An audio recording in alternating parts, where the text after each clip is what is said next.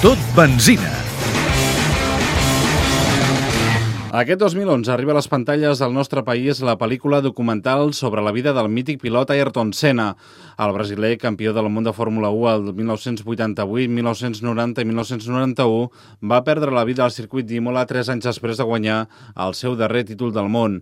Al Brasil, la seva figura continua present a les ments dels aficionats a la Fórmula 1, incrementada a més pel debut l'any passat del seu nebot, el Bruno Senna, en aquesta disciplina. Tengo muchas recordaciones porque uh, Ayrton estaba siempre en Brasil durante sus uh, ferias, eh, cuando descansaba. Entonces estábamos uh, conduciendo el go-kart, eh, jet skis, siempre competiendo con, con, con él.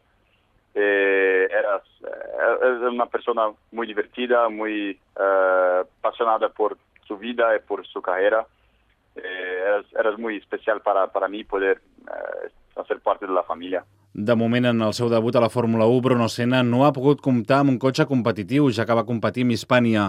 No obstant, ell mateix es treu pressió. Todos uh, entienden que estoy uh, apenas en el, en el inicio de mi carrera y no pueden esperar que con, uh, con coche que no puedes vencer, vencer, ganar, yo, yo tenga un resultado excepcional, pero estoy trabajando muy fuerte y fue un buenísimo año para mí para comenzar mi carrera en Fórmula 1. De moment, aquest 2011, Bruno ho tindrà força complicat per poder trobar un seient lliure en aquest esport.